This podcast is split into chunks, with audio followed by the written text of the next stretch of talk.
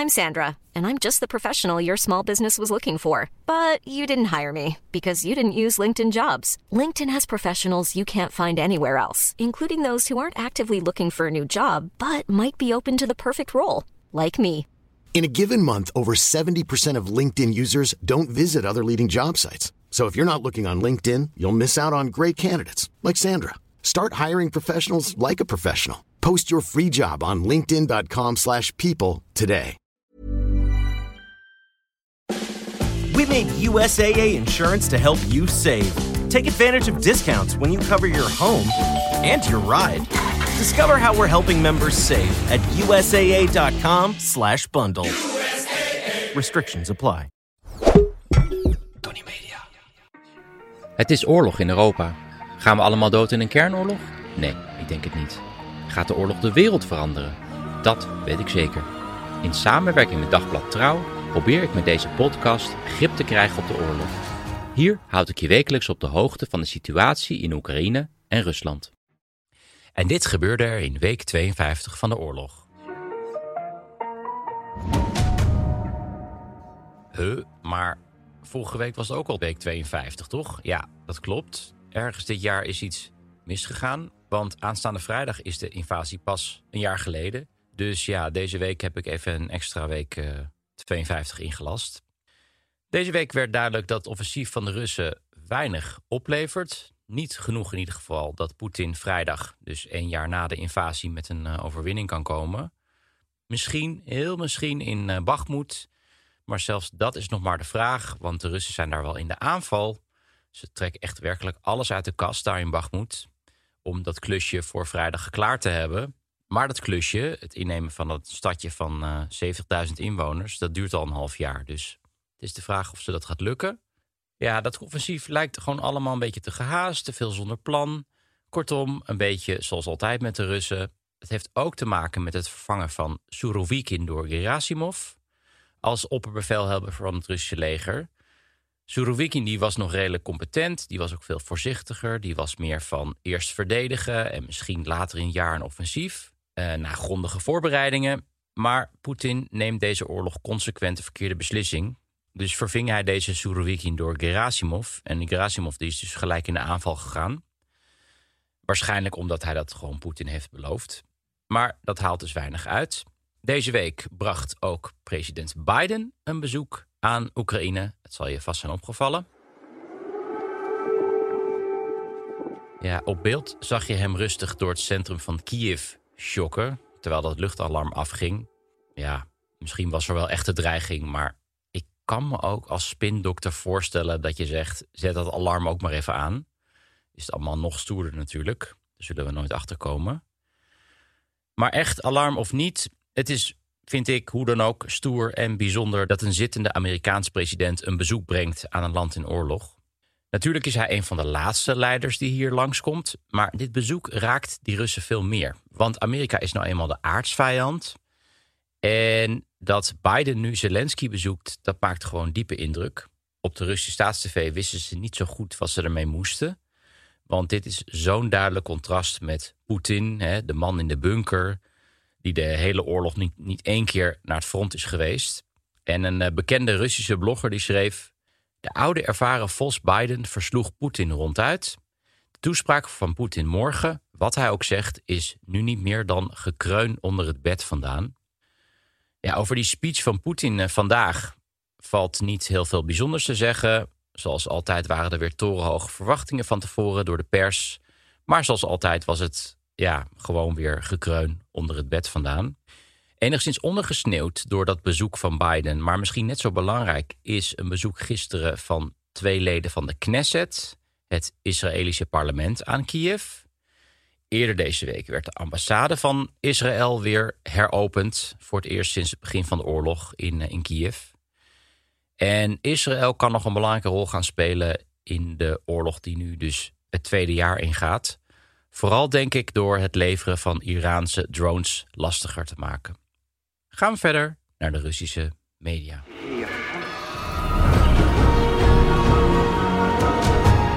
Te beginnen met de terugkerende rubriek. Ja, want er is weer iemand uit het raam gevallen in Rusland. Voor de variatie is een vrouw. Het gaat om de 58-jarige Maria Jankina. Dat meldt de krant Commerçant. Zij viel naar beneden van de 16e verdieping van haar uh, woonflat in Sint-Petersburg. En die Jankina die runde de financiële afdeling van het westelijke militaire district in Oekraïne, waar dus honderdduizenden Russische soldaten en officieren onder vallen. Op haar balkon had ze documenten achtergelaten, maar wat er in die documenten staat is niet duidelijk en dat is wel eigenlijk heel erg jammer. Officieel was het natuurlijk zelfmoord, maar officieus is dat natuurlijk helemaal niet duidelijk. Er vallen natuurlijk wel vaker mensen daar uit het raam. En ja, het staat vast dat Rusland tot op het bot corrupt land is. En Jankina gaat bij haar baan natuurlijk over hele grote geldstromen van het ministerie van Defensie. Dus ja, ze zou zomaar verwikkeld kunnen zijn in een of ander corruptieschandaal. Over die corruptie gesproken. Poetin ontsloeg deze week drie generaals. Op aandrang van minister van Defensie Shoigu. Ook op verdenking van corruptie. Dat meldt de Russische journalistieke site Verstka. En die generaals die zouden ja, zich hebben bemoeid met de aanbesteding van het maken van uniforms voor het Russische leger. En die aanbesteding zou zijn gebeurd bij een fabrikant die uniformen van hele slechte kwaliteit maakt. Zo waren de uniformen niet warm genoeg. En waarschijnlijk deden ze dat in ruil voor een dikke vette steekpenning van die fabrikant.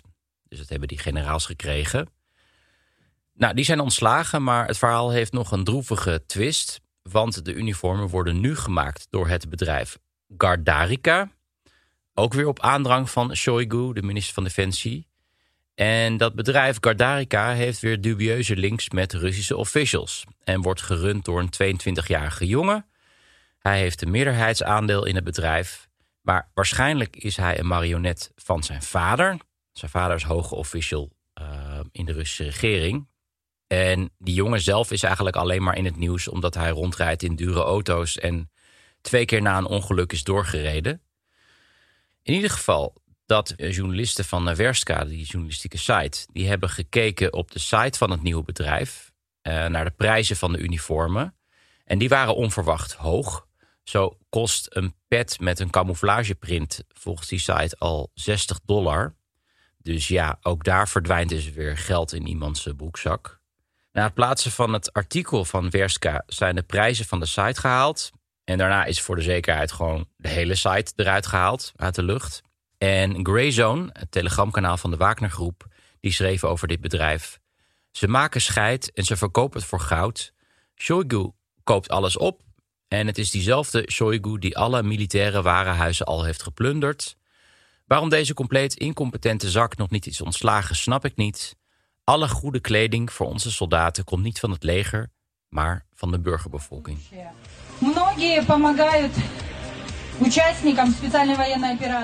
Dit is het geluid van 100 inwoners van Blagoveshchensk, een stad in Siberië, die allemaal tegelijkertijd in de vrieskou een emmertje water over zich heen gooien. Dit om de Russische strijdkrachten te steunen.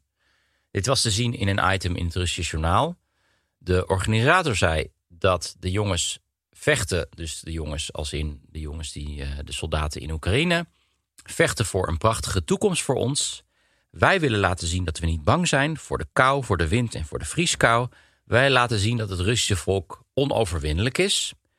En vervolgens gooien ze echt een heel lullig emmertje van, ja, ik denk 10 liter water over zich heen. Ze roepen trouwens ook nog eens op om kaarsen te maken voor de loopgraven. Alsof het fucking 1914 is. Oké, en dan nog dit. Nog even een waarschuwing voor alle ouders met een slim kind thuis. Ik zou willen adviseren om onmiddellijk te emigreren of in ieder geval je kind binnen te houden. Dit zeg ik naar aanleiding van een item op het Russische journaal deze week van hun correspondent in Nederland. Want in Nederland is namelijk een overheidsprogramma dat heet Op zoek naar slimme kinderen. En als ze zo'n slim kind vinden, dan biedt de Nederlandse overheid intensieve training aan aan die kinderen.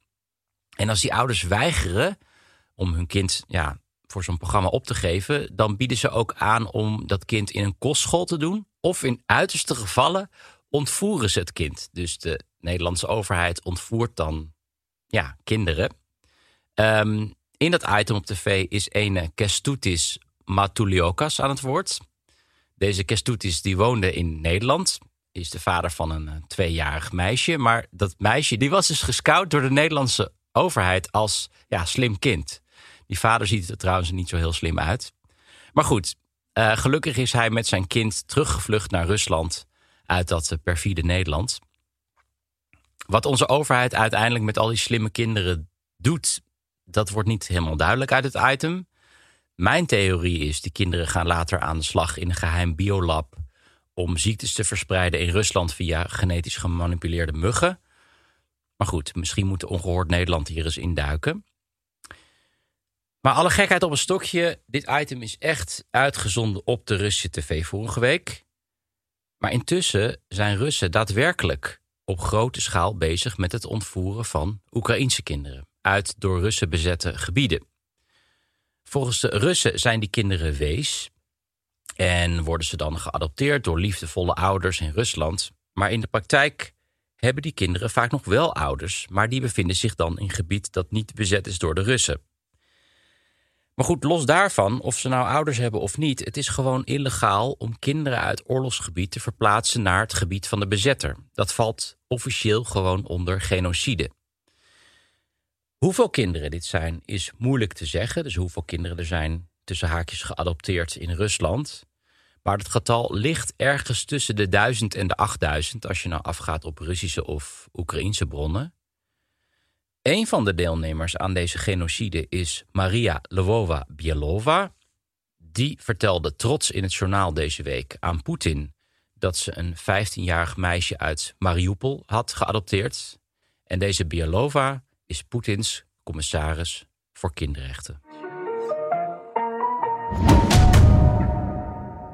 Bij mij in de studio zit Hubert Smeet. Welkom. Dank je zeer. Hubert is journalist en oud-correspondent eh, in Moskou, onder andere. Hij zit nu in de redactie van de site Raam op Rusland. Even kort, wat, wat doet Raam op Rusland? Raam op Rusland probeert het nieuws in Oekraïne, Rusland, Belarus te volgen op een manier die de gewone media niet volgen. Niet omdat ze er niet goed genoeg voor zijn, maar omdat het publiek daar niet geïnteresseerd in is. Dus wij proberen eigenlijk net iets boven het dagelijks nieuws of onder het dagelijks nieuws door te kruipen. eh, en het gat te vullen wat er ontstaan is in Nederland tussen de dagelijkse journalistiek van radio en televisie en kranten. Enerzijds en anderzijds de academische wereld, waar men heel erg gefocust is op belangrijke, maar wel detailonderwerpen. Ja. En het is eigenlijk, dat was eigenlijk onze aanleiding, eh, een jaar of zes, zeven, acht geleden, dat de academici in Nederland die zich bezighouden met Rusland, Oekraïne en Belarus, eh, zo ontzettend weinig zichtbaar zijn met eh, artikelen over maatschappelijke ontwikkeling die zich nu voordoen. En dat wilden wij een beetje proberen, dat gat wilden wij een beetje proberen te dichten. Nou, nou, dat is volgens mij goed gelukt. Het is een hele interessante site voor alle luisteraars. Ga er absoluut een keertje kijken. Onlangs schreef je ehm, voor Raam op Rusland een stuk over wat jij noemt eh, de realisten in deze oorlog. Kan je allereerst vertellen wie zijn deze realisten? Realisten zijn, is een school binnen de, eh, het- vak der internationale betrekkingen. Die houden zich bezig met geopolitiek. En de realisten, is niet een vastomlijnde school, maar een, een brede school eh, van politicologen vooral. Die van mening zijn dat je niet moet kijken naar wat wenselijk is in de internationale betrekkingen, maar moet kijken wat de grote machthebbers op het mondiale speelveld willen en welke belangen zij daarmee proberen te behartigen. Dus kort gezegd zeggen ze, zegt de realistische school, geopolitiek gaat niet over moraal, maar over macht. En zij die de Beetje moraal... Kissinger een beetje. Kissinger is een van, hun, Ja. een van hun voorvaderen, een aartsvader zou je bijna kunnen zeggen.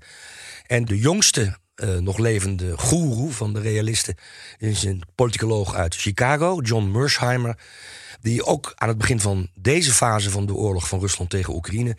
wederom heeft gezegd dat eigenlijk het Westen de schuld is van deze oorlog. door geen rekening te houden met eh, de machtspolitieke belangen, geopolitieke belangen van Rusland. bij de uitbreiding van de NAVO en de Europese Unie naar het oosten. Die praten zij steeds na. Kort gezegd zeggen zij: wij hebben geen liberale praatjes over wat goed zou zijn voor de wereld en goed is voor de mens. Wij kijken naar de harde feiten, naar de rauwe macht. eh, en eh, eh, ja, Ja. wat, wat, wat die moralisten doen, dat moeten ze op zondagmorgen in de kerk doen, maar niet de andere dagen van de week. Daar Ja. zijn wij voor.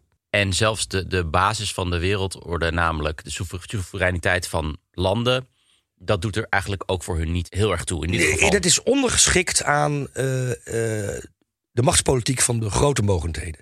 Dus in het geval van Oekraïne, Oekraïne mag dan soeverein zijn, onafhankelijk zijn. Oekraïne moet zich altijd rekenschap geven van het feit dat het vlakbij Rusland ligt, een atoommacht met een uh, roemrucht en berucht imperiaal verleden. En daar moet Oekraïne zich rekenschap van geven. Daar moet Oekraïne, daar moet, Oekraïne moet zich voegen, zou je kunnen zeggen, naar de grote belangen die Moskou heeft en laat prevaleren boven alle andere belangen. Ja, want dat blijkt een beetje uit je stuk. Als we eerst even dat realisme specifiek richten op uh, Oekraïne. Dat veel van deze realisten, en ik denk ook uh, uh, commentatoren bijvoorbeeld, nog steeds Oekraïne, echt na een jaar na deze invasie, eigenlijk ook nog steeds beschouwen als de achtertuin van Rusland. Ja, dat is mijn grootste bezwaar tegen die manier van denken. Dat het voorbij gaat aan het feit dat Oekraïne nu 30 jaar een onafhankelijk land is. Voor het eerst in de geschiedenis. Dat moeten we toegeven. Mhm. We moeten niet doen alsof er een hele lange, uh, lang verleden is van soevereiniteit. Al was die Oekraïnse identiteit er natuurlijk wel. Die was er altijd. Ja, en de, en de Oekraïnse identiteit is ook niet toevallig altijd door de uh, Russische uh, tsaren en partijleiders onderdrukt. en dat ging heel ver. Het ging tot volledige verbodsbepalingen voor elke uiting uh, in, in het Oekraïens, in het theater, in, in de boeken, et cetera. In de film, later in de vorige eeuw. Dus die onderdrukking van die Oekraïnse identiteit is altijd geweest. Maar de onafhankelijke staat Oekraïne bestaat eigenlijk pas sinds 1991. Dat is allemaal waar. Maar ook realisten, dat is mijn kritiek op ze, moeten er uh, moeten onderkennen en moeten ook belangstelling hebben voor wat er de afgelopen 30 jaar gebeurd is in Oekraïne. Oekraïne is een, is een land geworden. Een, een land geworden met staatsburgers. Uh, met mensen die zich meer verbonden voelen met de entiteit Oekraïne dan ooit. Hè. Vroeger was het in Oekraïne, trouwens in de hele Sovjet-Unie vaak wel zo. Uh, dat je je verbonden voelde met de stad waar je vandaan kwam. Mm. Hè, of de regio waar je vandaan kwam. Mm.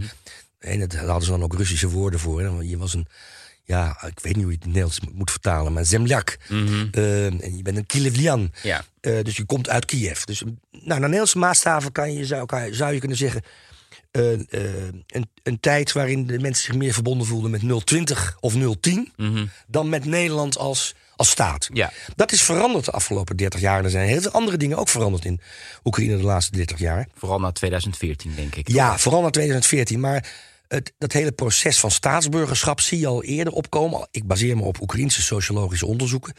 Dus ja, als ik, als ik het mis heb, dan, dan moet je ook Razumkov bijvoorbeeld, een belangrijk sociologisch onderzoeksinstituut die in Kiev. in die stuk. Ja, ja. Eh, aanspreken erop. Kijk, die, die, eh, die, dat, dat proces is eigenlijk al gaande sinds de Oranje Revolutie van 2004. Bijna twintig jaar geleden nu. Toen probeerde de toenmalige premier Janukovic de verkiezingen te kapen. Uh, en er is toen door een protestbeweging op straat een Maidan, zoals het toen al heette. Dat is de naam van de centrale plein in Kiev. Probeerde daar die gekaapte, gefraudeerde verkiezingen weer terug te veroveren. Dat is toen gelukt. Mhm. Alleen de president die daarna aan de macht kwam, Yushchenko heette die, die heeft er eigenlijk geen bal van gebakken. Mhm. Eh, en daarna kwam Janukovic wel aan de macht als president. Die probeerde alles terug te draaien. En toen kwam de grote Maidan van 2014, waarop Rusland gereageerd heeft met de annexatie van de Krim en de invasie in de Donbass. En sindsdien is dat proces inderdaad heel snel gegaan. Ja. En dat zie je in alle cijfers. Je ziet bijvoorbeeld ook in de cijfers, uh, opiniepeilingen. Wat vindt men in Oekraïne van toenadering tot de Europese Unie? Mhm. Of zelfs tot de NAVO? Mhm. En dan zie je eigenlijk één lange, rustige lijn naar steeds meer toenadering zoeken naar de Europese Unie en de NAVO. En dat wordt en ook niet alleen in het westelijke deel van Oekraïne. Exact. Ja. Ook in het midden ook in het zuiden en ook in het oosten van Oekraïne, daar waar de Russisch sprekenden wonen. Ja. En dat is ook logisch dat dat in de peilingen zo zich ontwikkelt omdat ook de verkiezingen die sinds 2014 zijn gehouden in Oekraïne, dat zijn er toch vrij veel geweest. Twee presidentsverkiezingen mhm. en twee parlementsverkiezingen. Die wijzen in dezelfde richting. De fascisten hebben de verkiezingen steeds verloren. En de pro-Russische partijen moesten steeds weer een stap terug doen. En hebben bij de laatste verkiezingen van 2019 nog geen 20% gehaald. Dus dat is echt een een kleine min, nou klein niet, maar een minderheid geworden. En dat zie je in alle opiniepeilingen terug. Uh, zeker de laatste jaar. En het is een beetje een update die de realisten eigenlijk nooit hebben uh, gelezen. Nee, Ze en baseren zich op wat, wat oudere informatie eigenlijk. Ja, die baseren zich eigenlijk op, op, op datgene waar ik mezelf ook schuldig aan gemaakt heb... toen ik correspondent was Mhm. Ja, in de. Sovjet-Unie. Moet ik erbij zeggen hoor. En ik in Moskou woonde. Ja. Je keek toch naar Oekraïne als het land van de boertjes van Buten. Ja. Hè, ze spraken er ook zo gek Russisch, hè, met die zachte J. Eh, en als je er naartoe ging, was het ontzettend gezellig vooral. ja.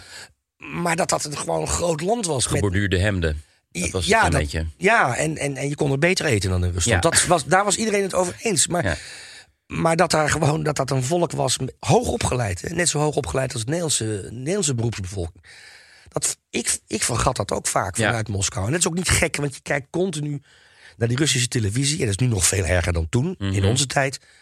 En dan zie je dan toch eigenlijk altijd wel een een of andere politicus het hebben over Oekraïners als kuifjes. Mhm. Dat is een denigrerend woord voor, eh, voor Oekraïners. En dat verwijst naar die, die haardracht van, eh, die de Kozakken vroeger hadden. Ja. Maar dat is niet serieus bedoeld. Dat is eigenlijk een beetje minachtend bedoeld. In ieder geval kleinerend. Hubert, als we een klein beetje uitzoomen en ehm, we kijken naar alle voormalige Sovjet-staten. In feite, ze zijn onafhankelijk geworden eh, eh, na de val van de Sovjet-Unie, maar ze, zijn, ze hebben nooit, veel land, van die landen hebben nooit echt een eigen identiteit ontwikkeld. Zou je kunnen zeggen, als ik het even positief bekijk, deze oorlog, dat deze oorlog misschien kan leiden tot een katalysator in de, in de echte dekolonisatie van, van die eh, voormalige Sovjet-Unie? Ja. Dat die landen echt een identiteit gaan krijgen. Ja, daar, daar kan ik eigenlijk niks aan toevoegen. Dat ben ik volstrekt met je eens. Dit is een koloniale oorlog die Rusland voert. Ze noemden het speciale militaire operatie. Maar ja, wij noemden de koloniale oorlog in Indonesië ook tientallen jaren, acties. tientallen jaren lang zo. Ja. Dit is echt een koloniale oorlog die aan de zijde van de Oekraïners natuurlijk een losmakingsoorlog is. Een oorlog is die Oekraïne definitief zal veranderen. En dat zal niet alleen maar positieve eh, perspectieven opleveren hoor. Laten we daar elkaar niet voor de gek houden. Maar dat Wat, waar, Oekraïne... waar doe je dan op? Nou, ik denk bijvoorbeeld dat Oekraïne door deze heldhaftige strijd die ze voeren, op militair gebied ook, veel militaristischer zal zijn na deze oorlog. Dat Ja. eh, de status van het leger, het heldendom van de soldaten, heel lang een grote invloed zal gaan hebben op de Oekraïnse samenleving. Ik denk dat. En misschien ook wel onderdrukking van de Russische taal, Russische cultuur. Ja, dat is in het sommige begin- Oekraïners ook wel eh, prettige gevoelens bij hebben. Zeker. De- aan het begin van de oorlog eh, was daar geen sprake van. En toen waren er Oekraïnse intellectuelen die zeiden. eh, het Russisch is vanaf nu niet meer van Moskou, maar ook van ons. En die, die, die stemmen hoor je minder. Je voelt natuurlijk aan alle kanten dat er een poging ge- ge- gedaan zal worden, zeker na zo'n oorlog, om de, de Russische taal en de Russische cultuur zo ver mogelijk terug te dringen. Wat Misschien- ook begrijpelijk is hoor. Ik bedoel, ehm, Ja. het is een getraumatiseerde bevolking momenteel. Dus. je, je- je kan er begrip voor hebben, en, maar je mag ook blijven hopen dat eh, dat nieuwe Oekraïne oog zal blijven houden voor die multiculturele samenleving die het altijd was. En dat dat nieuwe Oekraïne het oog zal hou- houden op de bal, namelijk de politieke vraag. Ja. In wat voor soort land willen wij leven? In een dictatoriaal geleefd top-down land, waar alle macht samenkomt in het centrum van de macht en alle onderdanen zich moeten gedragen eh, als onderdanen? Of willen wij in een pluriform, ja, democratiserend land leven? Dat is Ja. natuurlijk de hoofdvraag. Ja. Maar goed, we kunnen er vergif op innemen dat er allerhande nare ontwikkelingen zullen, zich zullen gaan voordoen in Oekraïne. Maar terug in de moederschoot van Moskou, uitgesloten. En dat zal denk ik ook wel effect hebben op Moldavië. Mhm. Wat sowieso al minder culturele banden heeft met Rusland vanwege de taal. Ja. Dan spreken ze Romaanse taal. Het zal misschien ook effect hebben op eh Kazachstan. Meer Centraal-Aziatische landen, ja. eh, daar, nou, daar weet jij meer van dan ik. Mhm.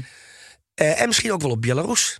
Ja. Eh, waar de taalkwestie nooit een rol speelde. ehm, maar waar nu een president aan de macht is die ten onder zal gaan als Poetin deze oorlog niet wint. En dat weet hij zelf ook. Ja.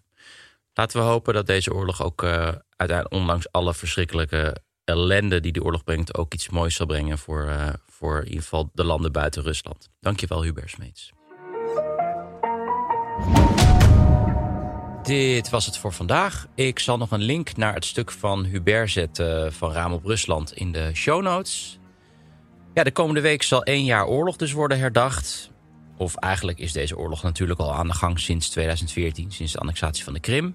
Maar in ieder geval één jaar invasie wordt herdacht. En ja, ik ben benieuwd of Oekraïne of Rusland deze symbolische datum aan zal grijpen voor een of ander offensief. Daar praat ik jullie volgende week weer over bij natuurlijk. Tot dan.